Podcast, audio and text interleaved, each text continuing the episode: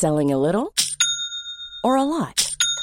Shopify helps you do your thing however you cha-ching. Shopify is the global commerce platform that helps you sell at every stage of your business. From the launch your online shop stage to the first real life store stage, all the way to the did we just hit a million orders stage. Shopify is there to help you grow. Shopify helps you turn browsers into buyers with the internet's best converting checkout. 36% better on average compared to other leading commerce platforms because businesses that grow grow with Shopify. Get a $1 per month trial period at shopify.com/work. shopify.com/work. Burrow is a furniture company known for timeless design and thoughtful construction and free shipping, and that extends to their outdoor collection. Their outdoor furniture is built to withstand the elements, featuring rust-proof stainless steel hardware, weather-ready teak, and quick-dry foam cushions. For Memorial Day, get 15% off your Burrow purchase at burrow.com slash ACAST and up to 25% off outdoor. That's up to 25% off outdoor furniture at burrow.com slash ACAST. Everyone knows therapy is great for solving problems, but getting therapy has its own problems too, like finding the right therapist, fitting into their schedule, and of course, the cost. Well, BetterHelp can solve those problems. It's totally online and built around your schedule. It's surprisingly affordable too. Connect with a credentialed therapist by phone, video, or online chat, all from the comfort of your home. Visit betterhelp.com to learn more and save 10% on your first month. That's BetterHelp, H E L P.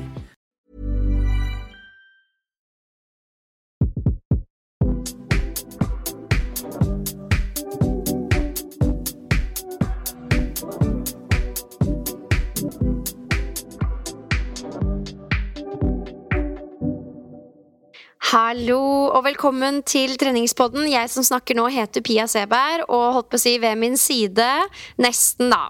På en skjerm foran meg så har jeg Silje Torstensen.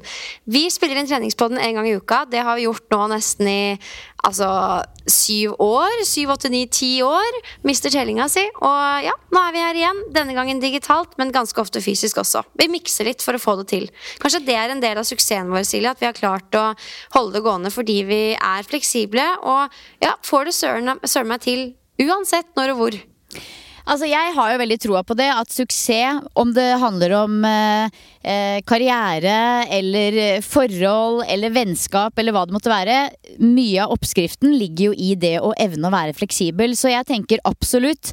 Og vi skulle jo gjerne møttes en gang i uka, og det får vi jo stort sett absolutt også til.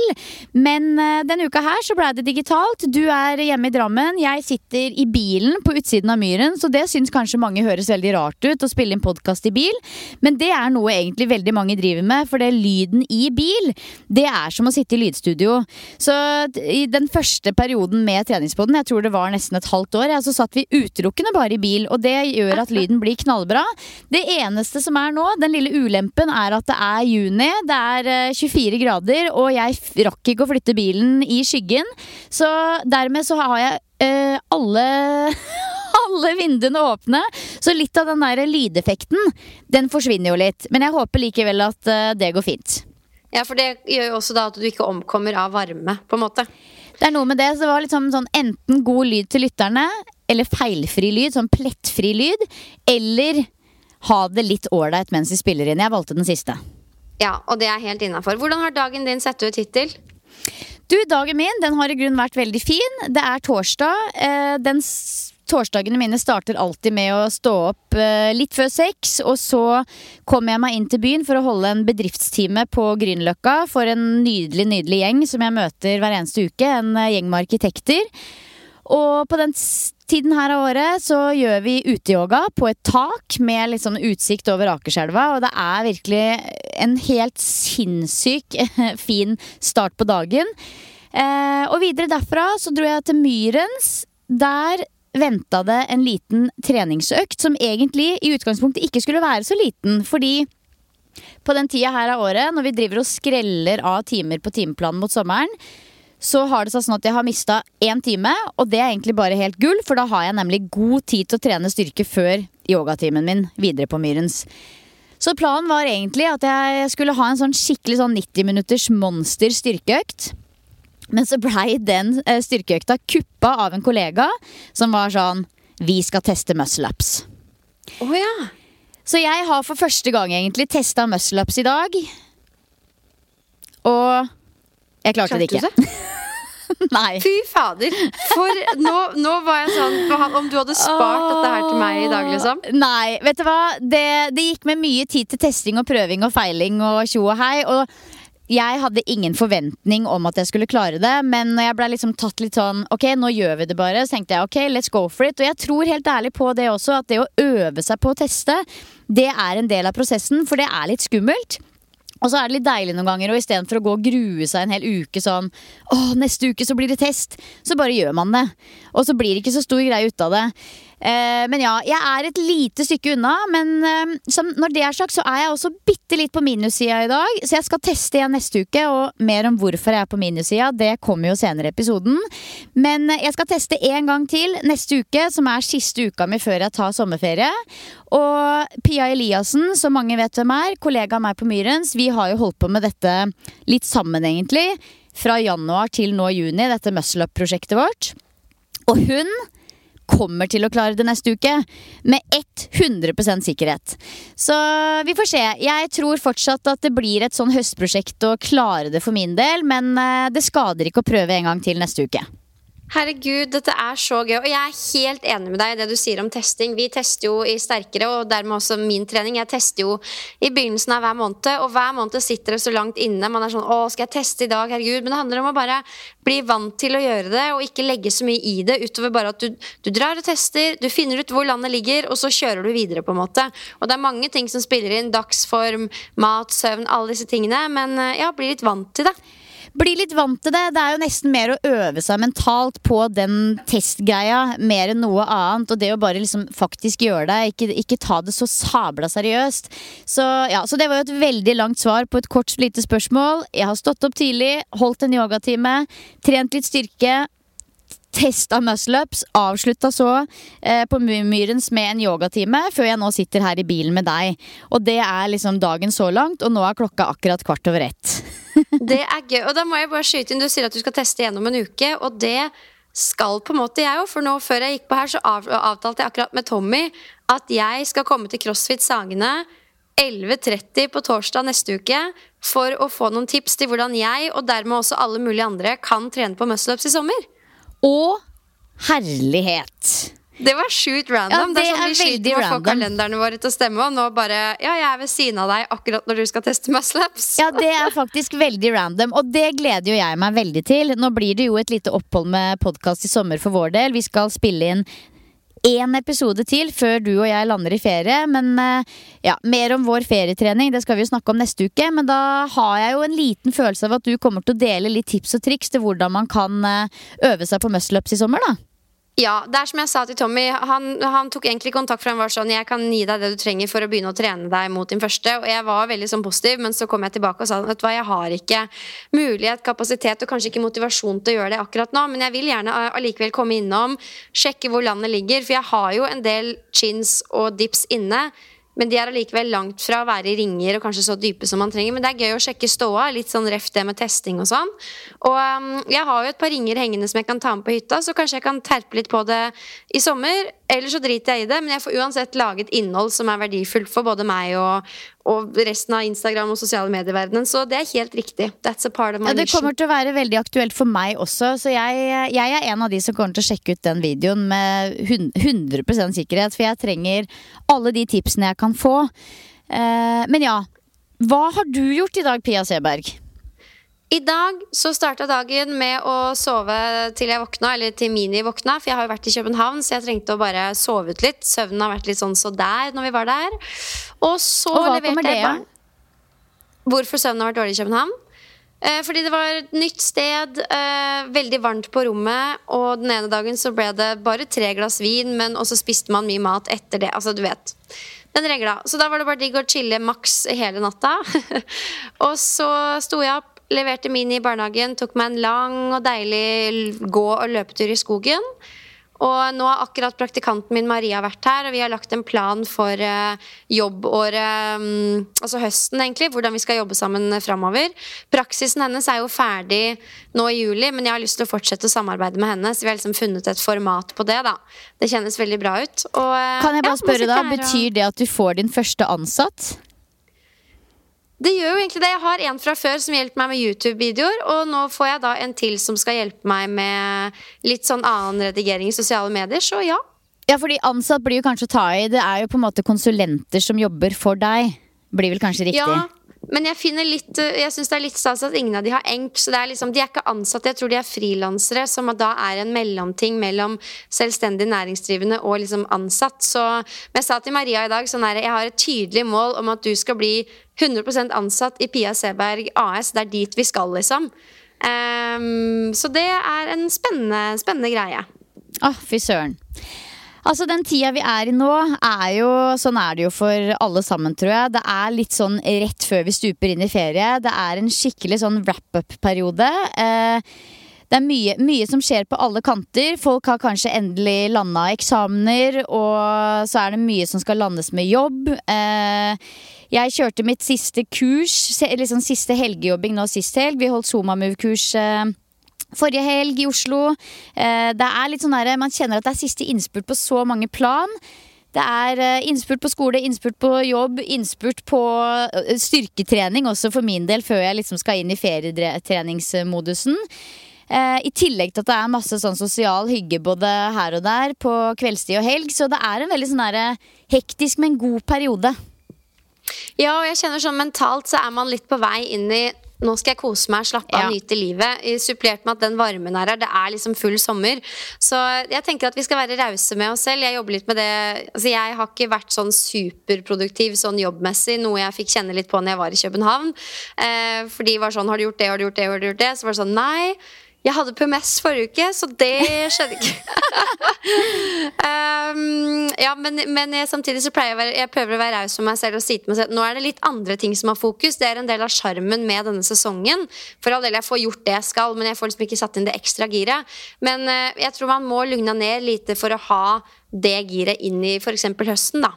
Ja, og så tror jeg også at dette er ikke starte Eh, dette er rappe opp-tidspunkt. Dette handler liksom Den tida vi er, om, er, i nå, handler jo om å liksom runde av ting på en god måte. Sånn at man kan senke skuldrene og gå inn i ferien uten å føle at man har noe uoppgjort som burde liksom vært fiksa på før man uh, trykker på pauseknappen. Og mm. det er egentlig Jeg har liksom tatt meg selv litt nå i det siste. Jeg har vært i litt sånn der uh, Hva skal jeg si, sånn kreativ buzz. Uh, og bare tatt meg selv i sånn Nei, Silje, det er en god idé, men det kan du vente med til høsten. For det er litt sånn dumt å sette i gang med masse greier nå før sommeren. Så det er bedre å heller legge liksom kruttet på det å bli ferdig med ting på en skikkelig ordentlig måte Absolutt. Det, det støtter jeg 100 Og eh, ja, la oss gjøre nettopp det. Vi spiller jo en treningspodden nå. Vi skal spille en episode neste uke, og så skal vi ha sommerferie. Men eh, altså, vi er jo tilbake før du rekker å blunke der på andre siden av høretelefonene, så don't you worry. Don't you worry.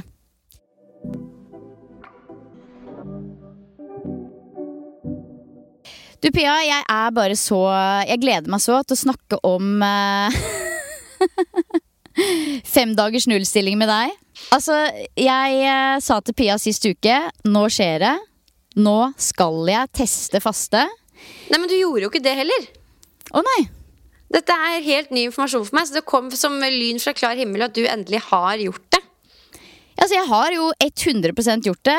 Eh, og jeg har gleda meg hele uka til å snakke med deg om dette her, fordi Altså for å si det sånn, Jeg tror det kunne vært fordelt på tre episoder. Det er mye okay. erfaring eh, okay. som jeg trenger å dele med verden rundt denne opplevelsen av å teste faste for aller første gang.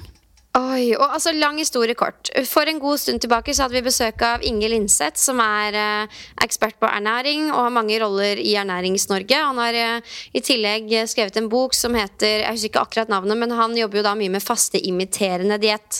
Og det vil si at du, du tanken er at du høster alle fordelene av faste, men du får i deg litt mat hver dag, sånn at du ikke du går ikke og ikke spiser noe som helst. Eh, og man trenger ikke å avstå, da, avstå da, helt fra mat, ifølge han, for å høste noen av fordelene som påstås å være ved faste. Så nå har Silje testa det over fem dager. Hans opplegg, antar jeg. Og eh, nå, la oss da først høre dine forventninger inn i det, og hva du faktisk har gjort. Ja. ja, det stemmer. Det var jo Inge som var gjest i podkasten, som da er ernæringsfysiolog, som da har skrevet denne boka som heter Fem dagers nullstilling, eh, sammen med Susanne Stave. Han har skrevet boka, og hun er den som har utformet eh, alle matrettene i boka. Eh, og jeg har jo hatt dette her i bakhodet veldig lenge, egentlig helt siden episoden med Inge, eh, der hvor han jeg vil si utfordra meg ganske direkte på litt sånn kan ikke du bare teste dette her? eh, der hvor jeg faktisk var litt sånn Jo, men jo, jeg skal faktisk gjøre det. Og så er det litt som vi har snakka om mange ganger, at eh, motivasjonen er jo ikke helt der. Pluss at jeg alltid ser en hindring for å kunne gjennomføre med tanke på sosialt liv, familieliv osv. Eh, men så var det jo også litt sånn at jeg fikk litt kritikk i etterkant av episoden fra enkelte lyttere som da er tilhengere av faste, som syns at jeg var for skeptisk og kritisk. Eh, det er én side av saken. I tillegg fått Var ikke det typ én person på iTunes? Nei, men jeg fikk, jeg fikk faktisk en del meldinger i innboksen, skjønner du. Og det var okay. ikke direkte liksom det var ikke det at jeg på en måte direkte ble sånn megakritisert, men jo, jeg ble litt kritisert. I tillegg til at folk også selvfølgelig veldig gjerne ville vise meg at jo, men dette er det faktisk verdt å prøve, Silje. Eh, og veldig greia. mange sendte meg også meldinger om deres erfaringer, og sånn hadde de løst det, og mye greier. Og sist uke så fikk vi også en kjempelang eh, melding i innboksen på treningspodden sin konto fra en jente som lever litt samme liv som oss, jobber i treningsbransjen og hadde testa denne feed-dietten, femdagers eh, nullstilling. Og delte liksom dag for dag hvordan hennes opplevelse var. Og da tenkte jeg sånn, ok, hvis jeg skal gjøre det før sommeren, så må jeg jo gjøre det nå. Og så titta jeg litt i kalenderen, og så så jeg at shit, nå er det jo faktisk en åpning. Jeg hadde ingen middager avtalt. Ungene skulle hit og dit på sommeravslutninger og overnattinger. Og det var på mange måter en litt sånn fleks mulighet meg å, for meg til å ordne og styre litt med egen mat. Så jeg tenkte, vet du hva, nå bare gjør jeg det. Så jeg gikk og kjøpte denne boka.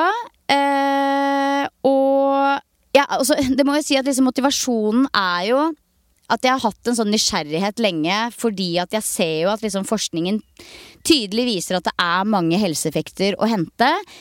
Men så har jeg også den skeptikeren i meg som jeg på en måte også blei litt sånn Damn it, nå skal jeg vise folk at jeg er åpen, hvis du skjønner. Etter at jeg fikk såpass krass kritikk som det jeg fikk, da.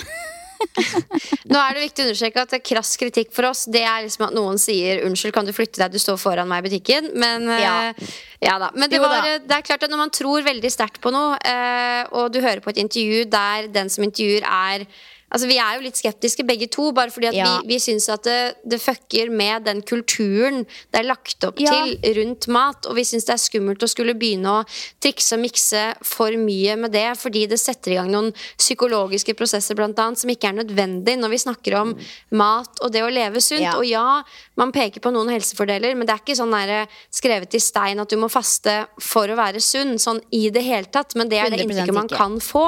Men det er jo en spennende reise, sikkert det er jo det vi skal få høre litt om nå, da. Ja, det er jo, de, det er jo den erfaringen og opplevelsen nå som jeg har, som jeg syns det er interessant å dele. Fordi alle de eh, helseeffektene man får av faste og alt dette her, det har vi jo nå hørt om i Inge sin podkast. Og jeg kan dele noen av de i form av mine erfaringer også. Men Bottom line, det var litt sånn der, det gikk en liten jævel i meg da Idet jeg blei eh, satt i den derre du er veldig eh, Ikke sant? At jeg på en måte At jeg var en lite åpen person. Så jeg hadde tydeligvis noe å bevise for min egen del og til verden. Så ja, jeg satte i gang. Har holdt på da med denne femdagers dietten fra lørdag til og med i går, onsdag fem dager, og jeg har fulgt den til punkt og prikke. For det er jo litt sånn jeg er også. At uh, skal jeg først gjøre det, så skal jeg gjøre det ordentlig. Uh, og jeg husker jo at Inge var litt sånn Du kan jo prøve tre dager, men jeg kjente at nei, når jeg først skal gjøre det, så skal jeg prøve fem. Uh, og det har i grunn fungert veldig bra, spesielt med tanke på den tiden jeg har vært inne i, hvor det har vært liksom mye tjo og hei med unger hit og dit, og lite sit down dinners, sånn som vi pleier å ha. Um, og jeg har gått all in. Valgte meg en av menyene. Og det skal jo da sies at det er jo da veldig enkelt å følge fordi det er satt opp menyer med frokost, lunsj og middag og kvelds. Og når jeg sier da at vi spiser mat, så er jo det en sterk overdrivelse i, hod, i mitt hode fordi jeg spiser mye mat ellers. Du spiser minimalt med mat fire ganger om dagen. Det er snakk om at du spiser kun grønnsaker, litt frukt, bitte litt nøtter og kanskje litt oljer. Så det er det jeg har levd på i fem dager. Um, og jeg tror at for, for, en person som kanskje er litt inaktiv og spiser lite fra før, så ville kanskje ikke overgangen vært så stor. For meg så har overgangen vært enorm. Mm. Enorm. Ja, for det er jo det første man lurte, lurer på. Liksom, har du vært pip sulten?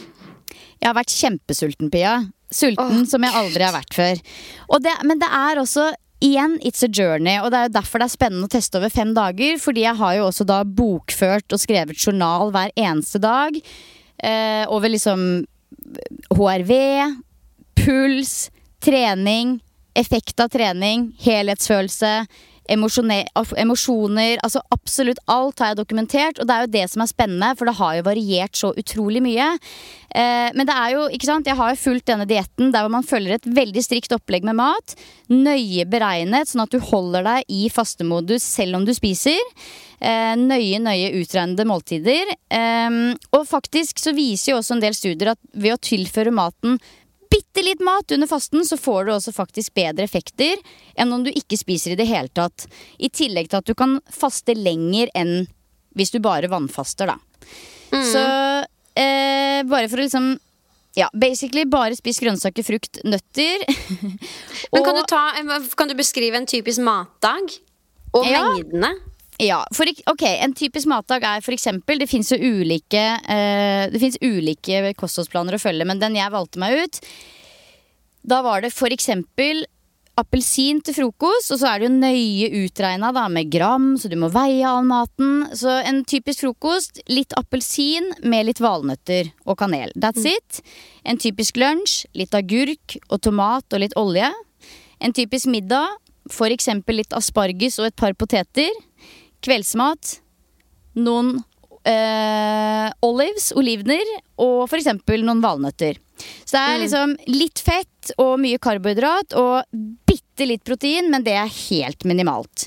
Så jeg må jo si at når det gjelder dette med sulten, det jo, sant, jeg kan jo gå litt igjennom både de negative effektene for min del og de positive effektene. Dette med sulten er jo litt spesielt, fordi man skulle jo tro at det er etter måltidet at man føler seg bra. For meg har det vært helt motsatt. Jeg har på en måte syns det verste har vært de to timene etter jeg har spist, fordi jeg har vært så sulten etter måltidet. Eh, jeg har åpenbart vært sulten før måltidet òg, men da vet jeg jo i det minste at nå skal jeg snart spise. De bitte små måltidene, de har bare vært Du vet, det er som en liten håndfull. Du, du kjenner ikke noe på metthetsfølelse i det. I hvert fall ikke meg, da. Nei, nei. Det er derfor jeg nesten kan tenke at det hadde vært enklere å bare avstå 100% enn å spise de der små irritasjonsmåltidene.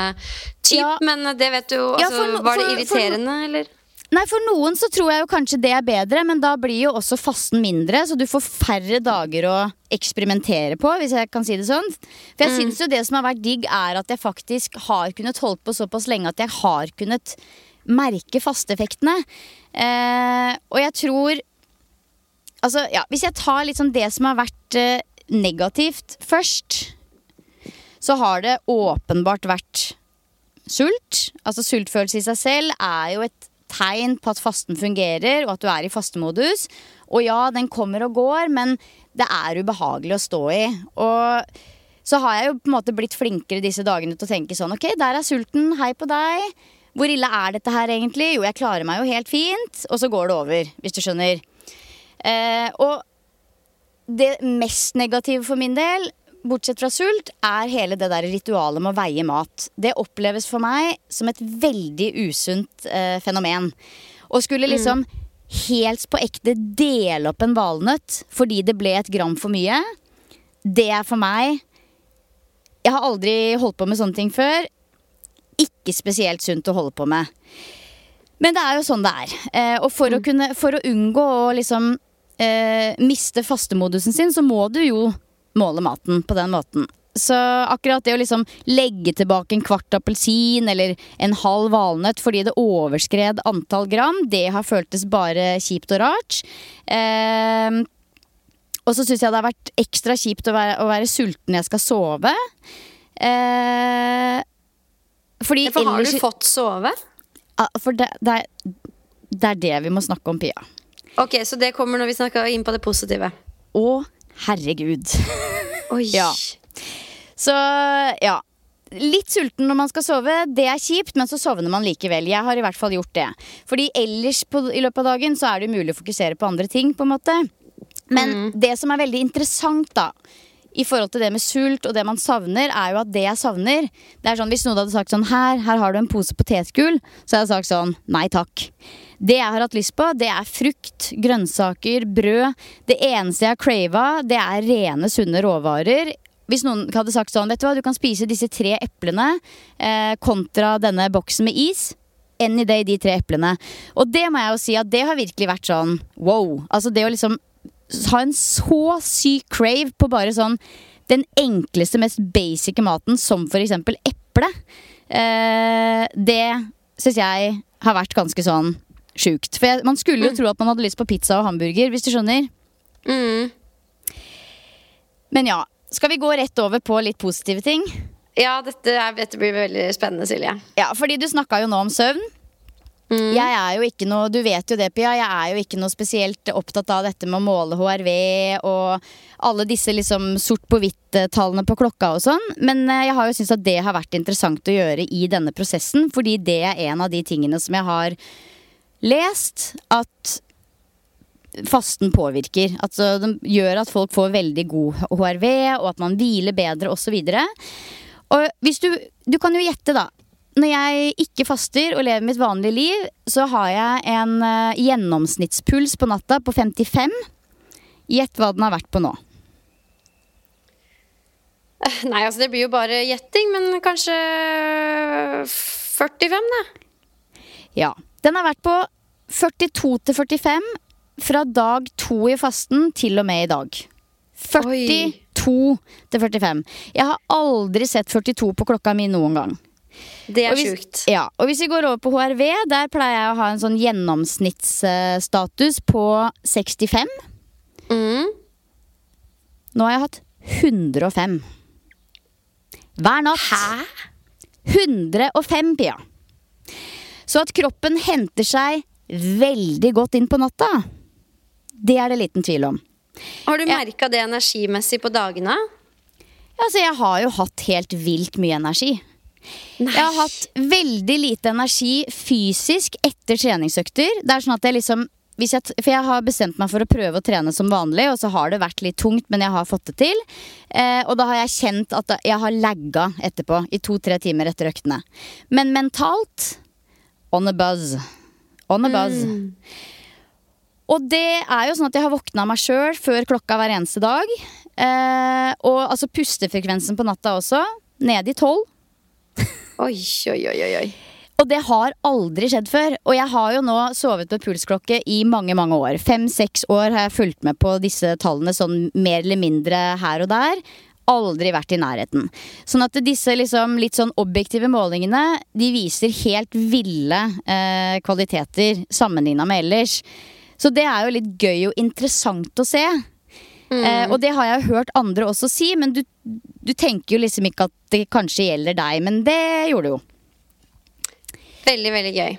Ja, det er interessant. Og det er jo også interessant eh, Eller sånn, En ting er de tallene på klokka også, men har du også merka når du har våkna opp om morgenen og tenkt at liksom, shit, dette var en fascinerende god natt med søvn, jeg sov dypt. Det føltes Ja. bra? Ja, det har jeg. Jeg har eh, gått i dvale på natta, for å si det sånn. Eh, Det har vært eh, kjempedyp søvn. Jeg har ligget lenge både dyp søvn og rem-søvn.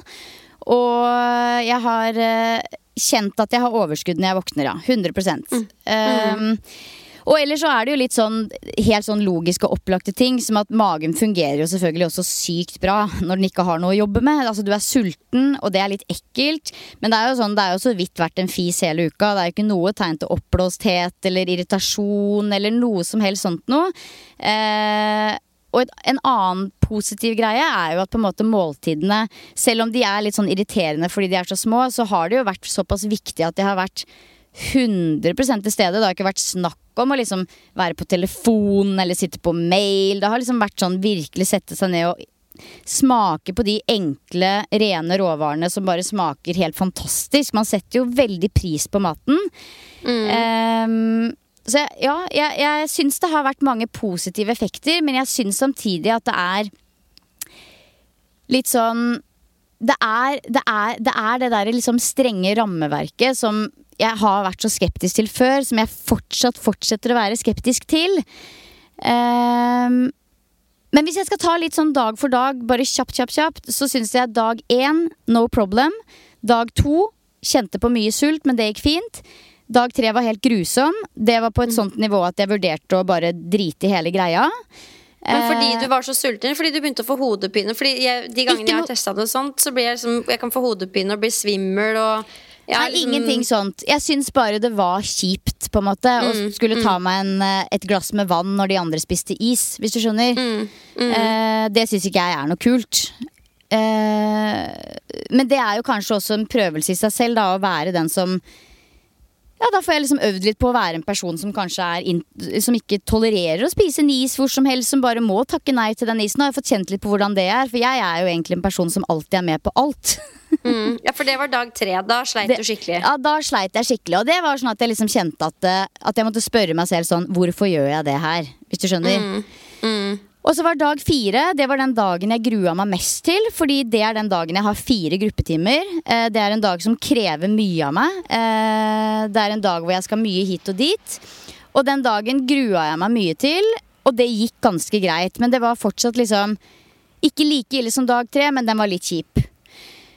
Og så forventa jeg på dag fem, altså i går, at det skulle være den verste dagen. Hvor jeg liksom døde av sult. Men jeg var ikke sulten i det hele tatt. Ikke én eneste gang.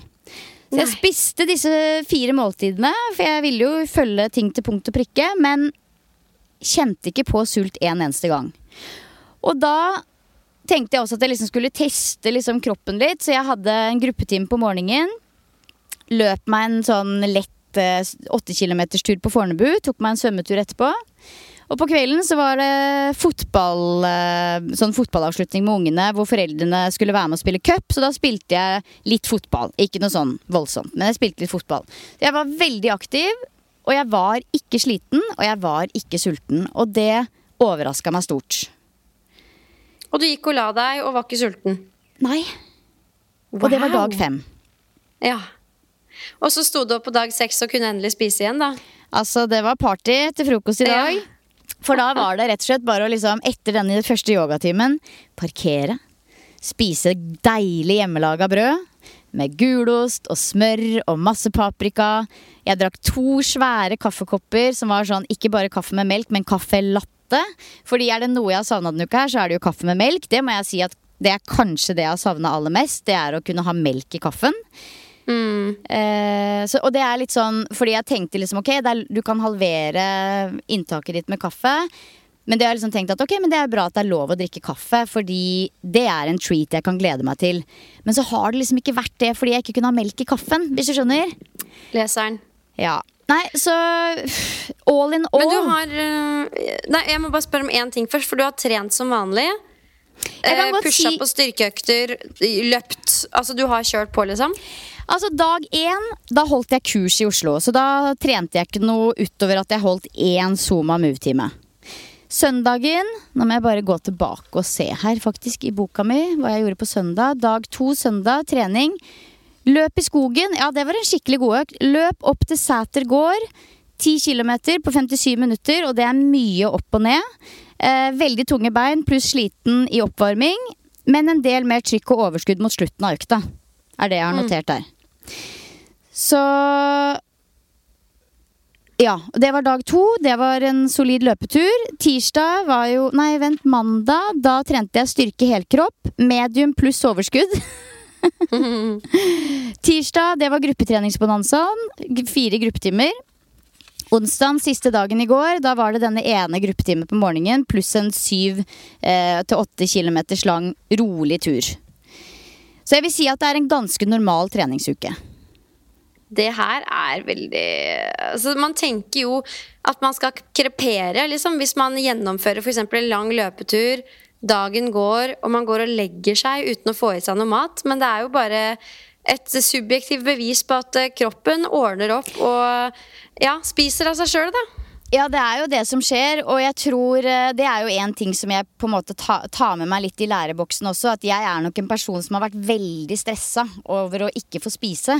Hvis det f.eks. er sånn at jeg spiser en litt tidlig lunsj, og så blir det veldig lenge til middag, og så har jeg kanskje trent derimellom, så føler jeg alltid at jeg må innom og kjøpe meg en pose nøtter eller et eple eller en banan. Eh, og det er liksom sånn hellig at det må jeg, hvis ikke så kjenner jeg på litt sånn indre uro.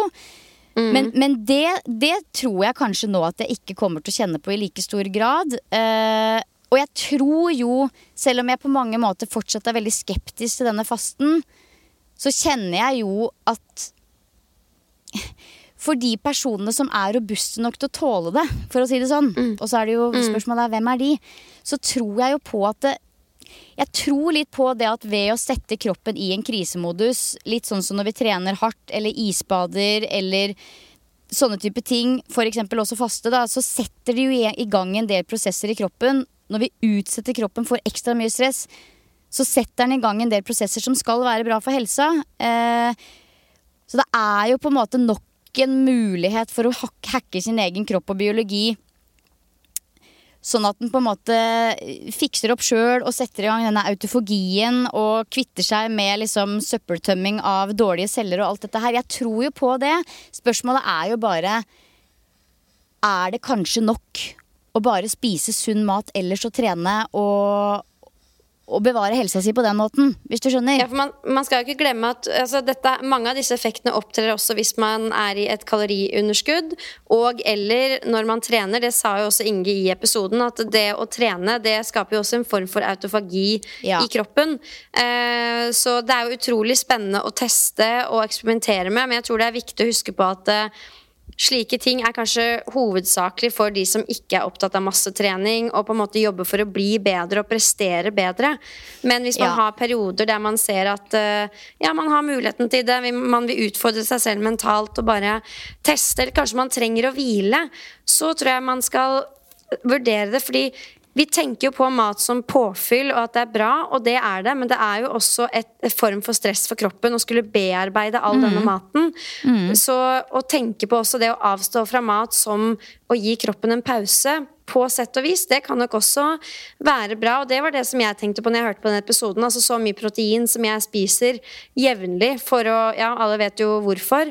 Mm. Um, det er jo også en stor jobb for kroppen, og det sier man jo også at um, veldig mye protein over veldig veldig lang tid. Det er ikke bare positivt for kroppen, så sånn sett også så jeg tror på det å gi kroppen en pause, og det har vi jo tydelig nå fått et lite bevis Et lite bevis uh, gjennom mitt lille forskningseksperiment. Og det, og det skal jo sies at det er jo individuelle forskjeller og erfaringer med sånne ting som dette her. Dette er jo én av mange typer faster. Uh, men jeg tror jo veldig på Jeg tror en annen erfaring jeg skal ha med meg videre, er at i perioder hvor jeg er veldig veldig oppblåst. Og det kan jo være ikke sant? Noen ganger så vet du at det er pga. PMS og hormonelle ting, og andre ganger så vet du at det er pga. noe jeg har spist. Og istedenfor å da liksom bøtte ned på bare fortsette å spise masse mat, sånn at du kanskje går rundt og er oppblåst i fire-fem dager, så kunne man jo kanskje vurdert å teste ut å ta en liten pause fra mat for å se om magen trenger å rydde opp litt sjøl. Eh, mm. For det tror jeg kanskje jeg også har vært litt dårlig på. Men så er man jo livredd for å ikke få i seg nok mat. Og det, og, men det også er jo for de som tenker at eh, sant, denne type faste er kjempefint for å gå ned i vekt. Nei, nei. Det er det ikke. Da fins det andre metoder som er mye bedre. Du mister masse vann, og du mister kanskje litt muskelmasse òg, men forskning viser at du går opp igjen det vannet du mister, og muskelmassen den kommer også kjapt tilbake idet du begynner å trene. Så det er, det er ikke liksom Dette er ikke metoden for å gå ned i vekt, på en måte. Eh, men var det, var det du, hva var det du sa for noe nå sist? Eh, jeg mista tråden. Ja, nei, jeg skulle følge opp jeg, noe du sa. Jeg husker ikke akkurat hva som eh, var poenget mitt. At du forstyrrer jo matkulturen og ja, jo, det er jo det. At man, man, går jo liksom rundt når man er en treningsperson og er veldig redd for å ikke få i seg nok mat for å ikke støtte oppunder treninga, da. For å si det sånn. Mm. Og det mellom Hvis man velger å være en person som faster litt innimellom, da, sånn som dette, så er jo det kjempeviktig at man da mellom fasten spiser masse mat. Og det, jo, det er det også helt tydelig i den boka. Det er, jo, det er ikke målet med en femdagers uh, FID-nullstilling er ikke å gå ned i vekt. Du skal spise masse mat før du setter i gang, og du skal spise masse mat når du er i mål. Og det gjør man det, så går man ikke ned i vekt. Da går du bare ned i vekt akkurat der og da. Hvordan opplevdes kroppen din da? Altså, sånn, hvis vi skal tørre å snakke om vekt og utseende, hvordan du syns du så ut, har du noen refleksjoner rundt det? Veide du deg, f.eks.? Det, det spurte mannen min meg også om, litt sånn inni der. Og det gjorde jeg jo ikke før jeg satte i gang, for det gjør jeg jo ikke. Men jeg veide meg faktisk i dag, som var på en måte den dagen før jeg skulle begynne Altså i dag begynte jeg å spise, så jeg veide meg før jeg skulle begynne å spise. Og uten at jeg vet akkurat hva jeg veide før jeg begynte, så vet jeg at jeg har gått ned i vekt. Og det trengte jeg ikke å se på vekta heller, det kjente jeg. Men det er vann. Mm. Det er vann. Uh, og jeg er veldig sikker på at i løpet av en og en halv uke nå, så er jeg tilbake igjen akkurat der jeg var. Og det er på en måte ikke ja. noe sånn synlig eller noe sånt for noen andre, men du merker det jo litt selv. Det er jo litt det samme ja. som at de, hvis du har hatt en langhelg eller påske hvor du har spist litt ekstra mye, så føler man seg litt sånn og sånn når man kommer hjem, og så etter to uker så er du tilbake til normalen. Akkurat sånn kommer det til å være med dette.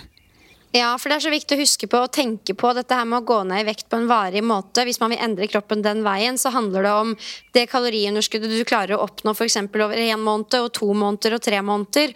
Og det er jo også grunnen til at veldig mange føler at de er superflinke og kjempestrikte i ukedagene. Og så kommer helgen, og så klarer man å overspise uh, såpass mye at uh, i det store og det hele i totalen så ligger du kanskje i et overskudd, og så rapporterer du inn at å, jeg føler at jeg spiser så lite og er så flink, men sånn når du ser på totalen og over en måned, som er det som teller, så ligger du ikke i underskudd, sånn at kroppen må tilpasse seg. Eh, og det er også grunnen til at ok, kanskje du mister litt vann, som du sier, på en sånn femdagers faste, men du kommer tilbake til ditt vanlige kosthold igjen, og da jevner det seg veldig godt ut. Og faren ved det, hvis man går inn i det her med et ønske om å gå ned i vekt, er jo at man nummer én begynner å veie og måle og styre årene. Det er litt sånn, kan være sketchy for noen. Um, og også det at man opplever den veldige sulten, og så at man vender tilbake til vanlig mat, kanskje overspiser, og så får man litt dårlig samvittighet for at oh, det ble, et par brødskiver for mye. Jeg tror jeg faster litt igjen, og så faster man litt igjen, så blir ja. man dritsulten, og så begynner ja. man å overspise igjen. Altså Jeg snakker av erfaring. Det ja. er uh, Ja, det er, mm. det er, ikke noe man skal tulle med. Og jeg tror jeg er litt i den heldige skalaen, fordi jeg har liksom i dag sett veldig frem til å bare spise min helt vanlige mat. Det jeg har spist i dag, er på en måte akkurat det jeg vanligvis ville spist på en torsdag. Bortsett fra de, fra de to ekstra kaffelottene da, som jeg bøtta nedpå. Det var jo litt sånn feire, på en måte, for det har savna så veldig. Men, men, jeg tror jeg er litt heldig i det at jeg bare jeg, jeg savner rett og slett rene, enkle råvarer og hverdagsmaten min, mens andre kanskje da kan bli trigga til å overspise. Eh, og jeg tror jeg tror veldig på at jeg, jeg, tenker fortsatt at faste ikke er for hvermannsen i det hele tatt. Nettopp pga. dette veiestyret og dette gramstyret og det å liksom venne seg til å spise lite og nekte seg mat selv om man er fortsatt sulten og sånne ting. Samtidig så ser jeg i litt større grad nå som jeg har erfart det på kroppen, verdien av å sette kroppen i krisemodus nå og da. Men det må ikke være via faste. Eh, jeg tror Altså det, jeg, du, vi kjenner jo meg, Pia. Jeg er jo ikke noe opptatt av disse objektive målingene. Men jeg må jo si at jeg likevel har vært ganske overraska over hvor enormt stor forskjell det har vært på f.eks. nattehvilen. Da. At det, det, det, er ingen tvil om at det skjer ting i kroppen når man setter kroppen mm. i krisemodus. Mm. Og det er jo det, Og det, etter hvert som jeg har lært og hørt mer om HRV, så er jo det noe av det som jeg har merka meg mest. Å prøve å ikke spise sånn veldig tett opp mot leggetid. Mm. Eh, og det kan man kjenne og merke effekten av. Men at det var så liksom At du opplevde en så stor effekt på søvnen og hvilen din, det var jo ganske fascinerende, da. Ja, veldig fascinerende. Så ja. Nei, altså det Jeg er vel litt sånn usikker på om jeg kommer til å prøve det igjen. Jeg kunne kanskje vurdert om et års tid å gjort en tredagers faste, fordi nå vet jeg jo at liksom jeg klarer det. Hvis jeg har behov for å liksom nullstille, resette, bli litt sharp på samme måte som jeg føler meg nå, så kanskje jeg kunne vurdert å gjøre det. Men for meg så er dette her egentlig Det var litt sånn derre Beviset for meg selv at jeg ikke er så forbanna sær, liksom, som Som enkelte folk tydeligvis tror at jeg er, da. Men også kjenne litt på det som What is all the fuss about? Kjenne litt på alt det du leser og hører. Fordi det er nok ikke sånn at faste denne gangen bare er en døgnflueomtrend. Det er betydelig mer forskning på feltet som tilsier at dette gir gode helseeffekter. Både i forhold til dette med å forebygge aldersrelaterte sykdommer og ja, inflammasjoner, hva nå enn det er, og, og mye forskjellig. Sånn at jeg tror jo det er noe i det, men jeg tror likevel veldig på at det er på en måte den maten du velger å spise som er av eh, viktigst verdi når det kommer til helsa, og det å trene og det å sove nok i mye større grad enn om man faster en gang iblant. Det er min personlige tanke rundt det, da. Ja. Jeg tror for min egen del altså Det er jo veldig inspirerende og fascinerende å høre om. Og jeg har, men jeg har samtidig med meg mine tidligere erfaringer som gjør at jeg skal være litt på vakt. Men jeg tror jeg kunne vurdert å teste det hvis jeg så at jeg hadde en litt rolig uke foran meg. Jeg ja. kjente at jeg var sliten, og at jeg kjente at jeg, nå trenger jeg å slappe mye av. Og kombinere det med et sånt opplegg for å gi kroppen Legge virkelig til rette for at nå skal du få hente deg inn igjen. Så kunne jeg nok øh, vurdert det.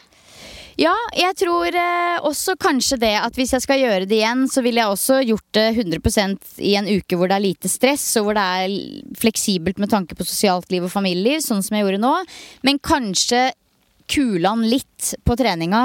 Eh, mm. At jeg så på det liksom fullt og helt som en slags restitusjonsuke. At jeg kanskje mediterte litt mer, trente litt mindre. Hadde mulighet til å legge meg litt ekstra tidlig. Eh, ja, ikke gjør dette her, folkens, hvis dere går inn i en stressa periode og det er mye ellers å tenke på. Det tror jeg ikke er noe uh, god idé. Nei. Men veldig veldig kult at du testa, Silje. Det her var så gøy å høre om.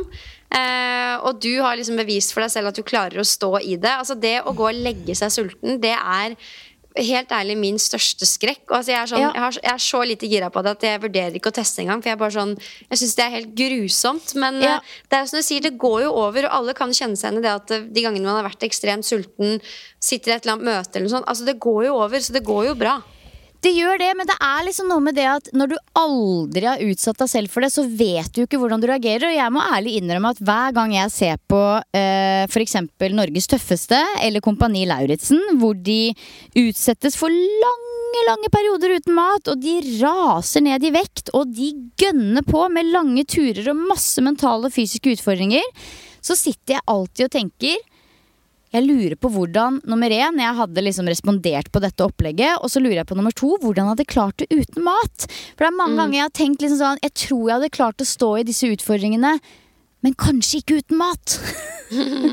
men nå vet man jo litt mer, da, hvordan, hvordan, man selv ville fungert i en sånn ekstrem situasjon som det. Mm.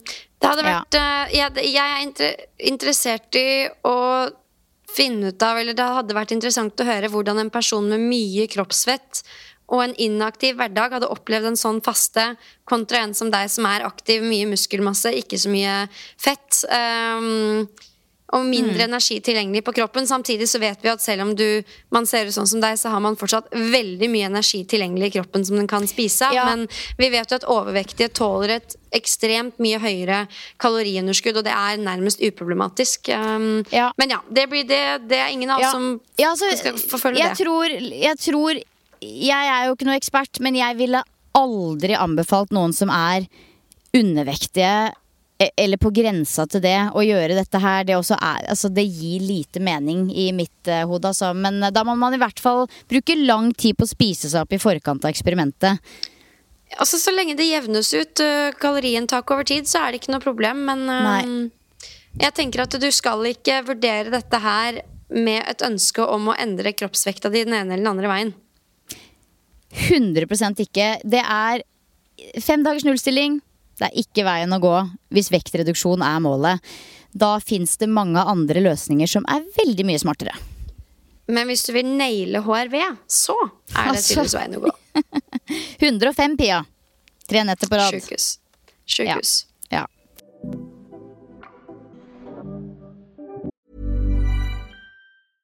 How would you like to look five years younger? In a clinical study, people that had volume added with Juvederm Voluma XC in the cheeks perceived themselves as looking five years younger at six months after treatment. Look younger, feel like you. Add volume for lift and contour in the cheeks with Juvederm Voluma XC. Reverse signs of aging by adding volume to smooth laugh lines with Juvederm Volure XC. For important safety information and to find a licensed specialist, visit juvederm.com. That's J U V E D E R M.com. Not for people with severe allergic reactions, allergies to lidocaine, or the proteins used in Juvederm. Common side effects include injection site redness, swelling, pain, tenderness, firmness, lumps, bumps, bruising, discoloration, or itching. There's a risk of unintentional injection into a blood vessel, which can cause vision abnormalities, blindness, stroke, temporary scabs, or scarring. Talk to a licensed specialist to find out if it's right for you.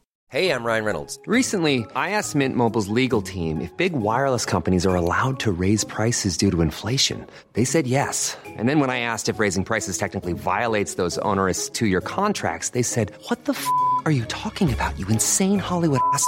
F- So to recap, we're cutting the price of Mint Unlimited from $30 a month to just $15 a month. Give it a try at mintmobile.com slash switch. $45 upfront for three months plus taxes and fees. Promo rate for new customers for limited time. Unlimited more than 40 gigabytes per month. Slows. Full terms at mintmobile.com. Here's a cool fact a crocodile can't stick out its tongue. Another cool fact you can get short term health insurance for a month or just under a year in some states. United Healthcare short term insurance plans are designed for people who are between jobs, coming off their parents' plan, or turning a side hustle into a full time gig.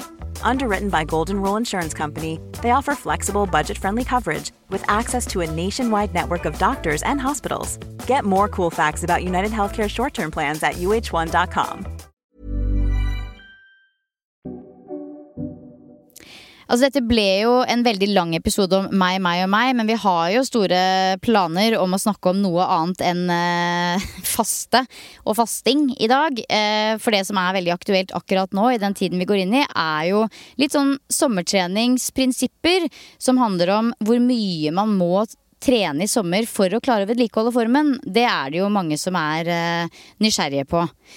Hvor Ja. lite trening som gir helseeffekt, eh, og hvor lite man kan trene for å vedlikeholde den formen du er i nå. Ja, det er jo mange som tenker at idet man liksom har noen dager uten trening, så mister man f.eks. muskulatur, da, hvis vi snakker om styrketrening og, og muskelvekst og styrke.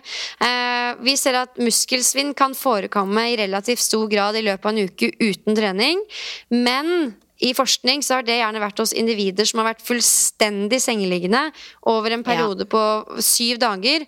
Eh, Så man har også sett at hos mennesker som liksom opprettholder daglige aktiviteter, er i aktivitet og gjør litt enkle ting og har bra med hverdagsaktivitet, så er det lite som tyder på at man taper noe særlig muskelmasse de to til tre første ukene Ja. uten trening. Så det er liksom, du har ganske stort slingringsmonn. Det er akkurat det. Det er veldig stor forskjell på å være en person som er i aktivitet, og en person som er i ja, fullstendig sengeliggende. Så ja, det er jo veldig mange studier som har sett på det som kalles eh, ja, altså rett og slett eh, Null trening etter treningsperioder, og hvordan styrken og muskelmassen påvirkes av, eh, av den hvilen. Og det er jo nettopp det hva man foretar seg i den perioden som har mest å si. Det er kjempestor forskjell på å, å være helt inaktivt og å være i aktivitet. Og jeg tipper jo at de fleste som lytter til treningspodden, trener litt jevnt ellers. De kommer jo til å gjøre noe aktivt i løpet av sommeren. Eh, og jeg tror altså det er overraskende lite trening som skal til for å vedlikeholde både muskelmasse og, og styrke. Men den der første uka etter ferien, den er litt røff uansett. Jeg tror så lenge man er liksom eh, litt forberedt på det, så, så, så skal det gå helt fint å ta noen uker eh, eh, ikke bevegelsesfri, men treningsfri i løpet av sommeren. Eh, man trenger ikke å stresse. Det er selvfølgelig en stor fordel hvis man har mulighet til å ta seg litt trening. Altså si at man er en person som trener tre ganger i uka. Hvis du klarer å skvise inn én skikkelig hardøkt, eller to litt kortere økter, så er det faktisk nok til å vedlikeholde i opp mot tre uker. Mm. Um, Max Prestasjon hadde jo et eh, innlegg om dette her på Instagram for eh, ja, noen uker tilbake. Og han avslutta bl.a. med å understreke at hvis man i løpet av en periode på to til tre uker med ferie inntar store mengder alkohol, spiser veldig proteinfattig og sover ekstremt lite, så kan det liksom i større grad da gå utover f.eks. muskelmasse. Så jeg, jeg tenker at det er lurt å fortsette å være så smart som du kan være også på ferie, også fordi det får deg til å føle deg bedre. Eh, selvfølgelig skal du ta deg et glass vin eller ti innimellom, liksom, men vit at eh, graden av inntak av alkohol påvirker jo søvnen, og igjen da også hvor lyst du har til å være aktiv og disse tingene her. Og det er også lurt å fortsette å spise smart, få i deg godt med protein til hvert måltid i den grad det er mulig. Rett og slett ha en mentalitet med at jeg gjør så godt jeg kan med de kortene jeg har på denne ferien her, eh, og så blir det som det blir. Fordi sånn er det jo å leve, leve livet på en måte, og vi skal jo ta litt andre valg når vi er på ferie og får lyst til å vende tilbake til hverdagen igjen. Men jeg tror veldig på at det får oss til å føle oss best også på ferie når vi gjør så godt vi kan. Absolutt. Nei, så det, så det, er eh, Det går an å senke skuldrene, rett og slett, for oss alle sammen. Har man mulighet til å legge inn én litt sånn solid styrkeøkt i uka med litt sånn maks innsats, eller to litt kortere økter, så vil du 100% sikkert kunne klare å vedlikeholde. Hvis du tar deg helt fri fra trening og fortsetter å bevege deg, så skal det lite til å komme til det nivået du var etter ferien. Eh, altså før ferien, etter ferien, for å si det sånn. Det er noen uker med innsats, og så er du back on track. Og så tror jeg Altså, ikke sant? Det er det forskning sier, og så har vi jo sikkert litt egenerfaringer også. For min egen del så har jeg i grunn veldig god erfaring med både korte og lange avbrekk fra styrketreninga. Eh, ja, du blir dritstøl første økta tilbake, og du føler ja. deg dritt, liksom. Eh, de første ukene med intervalltrening også er helt pyton etter et lengre opphold. Men så er man tilbake igjen i løpet av null komma svisj, og da er liksom Da er de kjipe øktene i starten bare glemt. Så mm min erfaring er at det er egentlig jo, jo, eldre jeg blir, holdt jeg på å si, og jo, jo, flere år med treningserfaring jeg har, jo mindre stresser jeg over å ha litt lengre opphold mellom øktene på en ferie. Mm. Skriver under på den. Ja.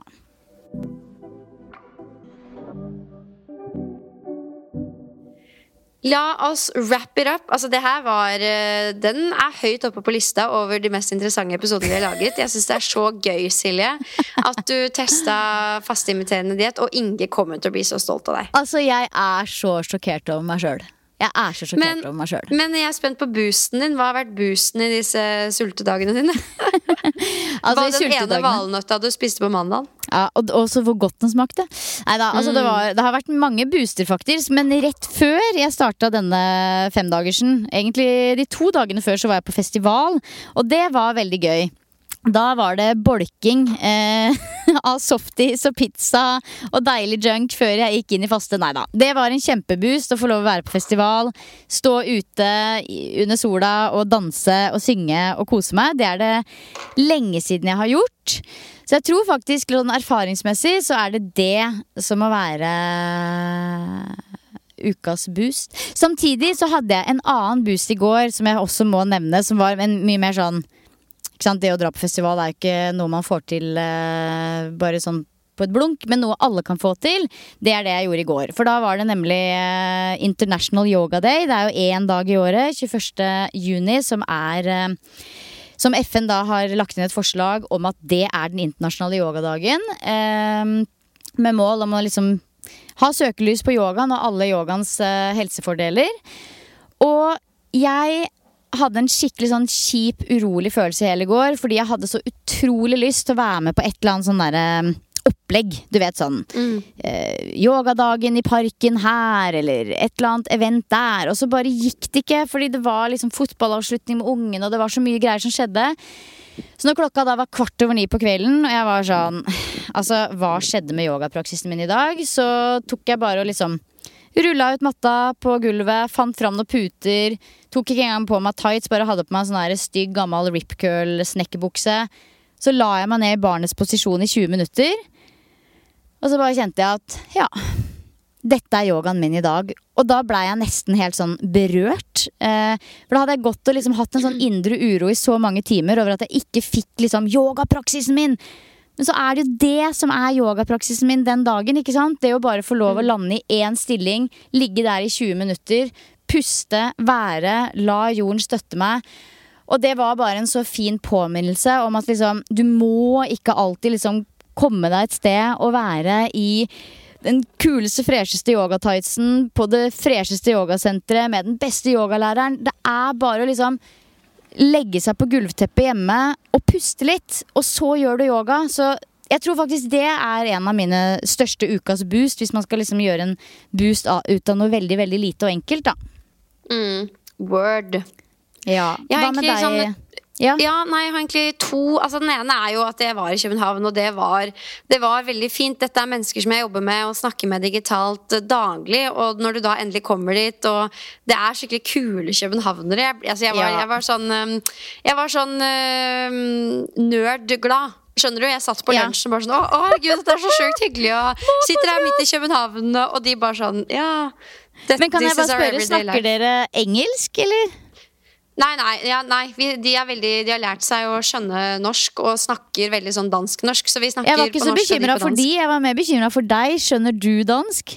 Ja, for de har blitt veldig flinke til å snakke sånn veldig forståelig. Nettopp. Pluss at han som eier Bun, han er gift med en uh, norsk jente, så han Ja, det er, Ah. det er på stell. Det gir mening. Ja, eh, så det, alt i alt så var det bare en buss. Sånn, endelig så var jeg hun med kollegaer. Ja. Og, og jeg var sånn, jeg tror jeg sa til tre ganger til han som eier det, bare sånn Kan ikke dere be oss på julebord i år? Altså, ja, du vet, Sånn som vi kan være litt noen ganger, Silje. Litt, litt, akkurat litt for gira. Ja. Eh, så, men det var en boost, og jeg står i det at jeg var litt for gira og nysgjerrig og stilte 100 spørsmål. Just being myself.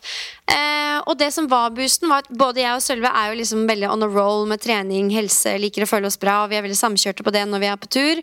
Men eh, vi var også veldig sånn nå skal vi kose oss. Så vi drakk både én og to og tre enheter på en sånn vinbar. Og det, og det var en litt sånn skal, skal ikke, fordi vi skulle opp tidlig dagen etter og vi skulle trene. Og det er litt digg å droppe det òg, for da slipper du å ha den alkoholen i blodet. Og jeg kjente det dagen etter at jeg hadde Man drukket. det. Men det var bare Det var den magiske praten som kommer Ja. halvveis ned i det første glasset. Nettopp. Han som eide buen, tok seg en tur ned, han også. Vi satt og prata om livet, kom litt inn på dypet med mennesker som du ikke snakker med så ofte, og da var jeg bare sånn åh, jeg skal ikke glemme at jeg er en person som tar meg ett og to og tre glass, selv om det kanskje gjør markløften min dagen etter litt dårlig, liksom. Mm. jeg er et vanlig menneske som trener for å ha god helse, men jeg trener ikke for å gå glipp av alle de andre arenaene i livet. Eh, og mine tider som liksom hardbarka partyjente mer enn et par ganger i året, den er nok over. Men eh, hvis det kjennes liksom, Hvis man har lyst, så skal man ta seg noen glass med vin. For det ga meg en veldig boost, da. Ja, jeg tenker hvis det er det man vil, så, så skal man gjøre det. Selv om man Ja. er en person som er opptatt av helse. Ja, for det er litt tilbake til det her å prøve å kjenne etter hva er det som kommer til å gjøre meg glad. Er det nå å gå og legge meg tidlig, for det er det jeg trenger? Eller er det å, å kjenne connection til mennesker, være litt ekstra fri ved å drikke litt? Altså sånn Virkelig kjenne etter inni seg selv hva får meg til å føle meg best, da. Ja. Vet du hva, det, det er en boost, og det er liksom Altså, jeg tror vi nordmenn det, det er litt grann mørkt på kino her i store deler av året når det gjelder liksom rett og slett mørke, og det at vi så vidt kommer ut av dvalen en lita tur på julebord, eh, kritthvite i desember, liksom. Og så resten så er det bare nada. Nå skal jo alt skje, eh, og jeg tror det kan kanskje bli litt for mye av det gode. Men samtidig så tror jeg bare at vi, vi må vi må liksom jeg har, det, Mitt mantra i 2023 livet er nå. Altså, livet er nå. Det er på en måte det er veldig dumt å takke nei til noe som er veldig hyggelig akkurat nå, fordi du skal noe annet viktig i morgen. Ja, noen ganger så må man ta det valget, men jeg tror veldig på å leve her og nå, og akkurat nå er vi på det beste Norge har å tilby. Vi kan sitte ute, sola går ned klokka to. Det er bare et eller annet med den derre liksom det er bare noe med hele feelingen nå som det gir så mening å møtes og snakke og ta seg et glass med vin. Så jeg støtter den, Pia, selv om Helsedirektoratet denne uken har kommet med ganske strenge krav. Nei da, ikke krav. Råd! For det er jo det det er, og akkurat det der må vi jo bare ta en hel episode med en annen gang. Men, men ja, det er jo ikke anbefalt å drikke alkohol. Men det visste vi jo fra før av. Og Keep it to bare minimum. det er noe med den sosiale settingen som vi setter mer pris på enn noe annet. Ja, og jeg, altså man kan jo leike seg litt med tanken liksom, å måle det sosiale og grad av lykke opp mot den skadelige effekten av et glass vin her og der. Mm. Eh, for det er uh, mye sosialt og magisk som skjer når man tar seg disse glassene med vin. Så ja, ja den får hver enkelt reflektere over. Den får hvert enkelt reflektere over, og det er jo veldig gøy å se hvor, hvor det, når det liksom nå reflekteres høyt og lavt i kommentarfelt. Og uh, ja, du vet, det, folk klikker jo i vinkel når man blir bedt om å drikke mindre og spise mindre kjøtt. Eh, men det er jo igjen viktig da, folkens, at dette her er jo bare råd. Det er ikke lover mm. og regler. Så det er jo ikke noe som blir tatt fra oss. Det er bare det er råd. Det er det det er. Mm. Så kan vi velge å følge dem litt nå og da, eller mer delvis her og der når det passer etter eget ønske. Ja. Mer om det senere. Ja, det, det kommer vi tilbake til. Vi må bare finne ut hvordan vi skal løse det. Så bra. Takk for at dere lytta, folkens. Vi håper at dere fikk masse ut av episoden. Skikkelig gøy med sånne prosjekter, Silje, og liksom høre om det. Og husk at det er jo bare Siljes liksom, lille prosjekt der vi, der vi testa noe som høres ekstremt ut for mange, men veldig ja. riktig ut for andre. Så ta det med ei klype salt, og bruk det som viktig informasjon inn i din egen uh, decision making. Men det er altså ikke noe vi anbefaler til hvermannsen. Nei, på ingen måte. Det er, eh, dette var et eh, eksperiment, og ja, man kan ta det med klype, en klype salt, men for meg så var det også en ganske stor uh, greie. Det er en grunn til at jeg mm. ikke gjorde det uka etter jeg blei utfordra. Det har tatt litt tid å la det jeg måtte, jeg måtte marinere litt uh, baki her før jeg faktisk uh, gikk løs på det. Ja. ja. Nei, det er bra. Alle sammen, ha en fantastisk uke, og så poddes vi igjen ganske så snart. Yes. Ha det. Ha det godt.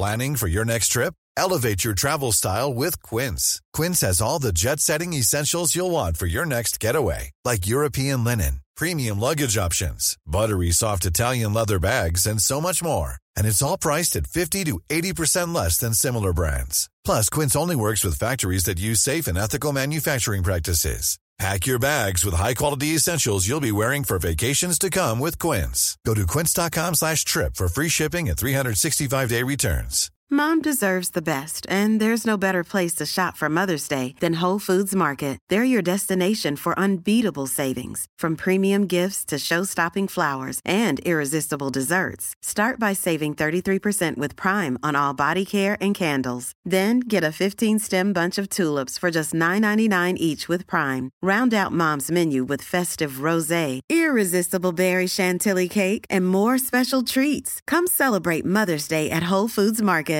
This message comes from BOF sponsor eBay. You'll know real when you get it.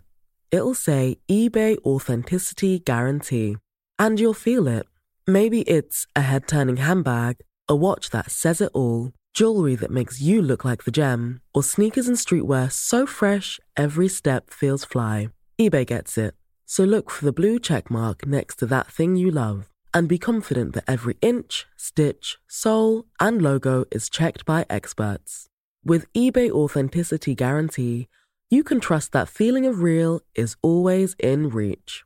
Ensure your next purchase is the real deal. Visit eBay.com for terms.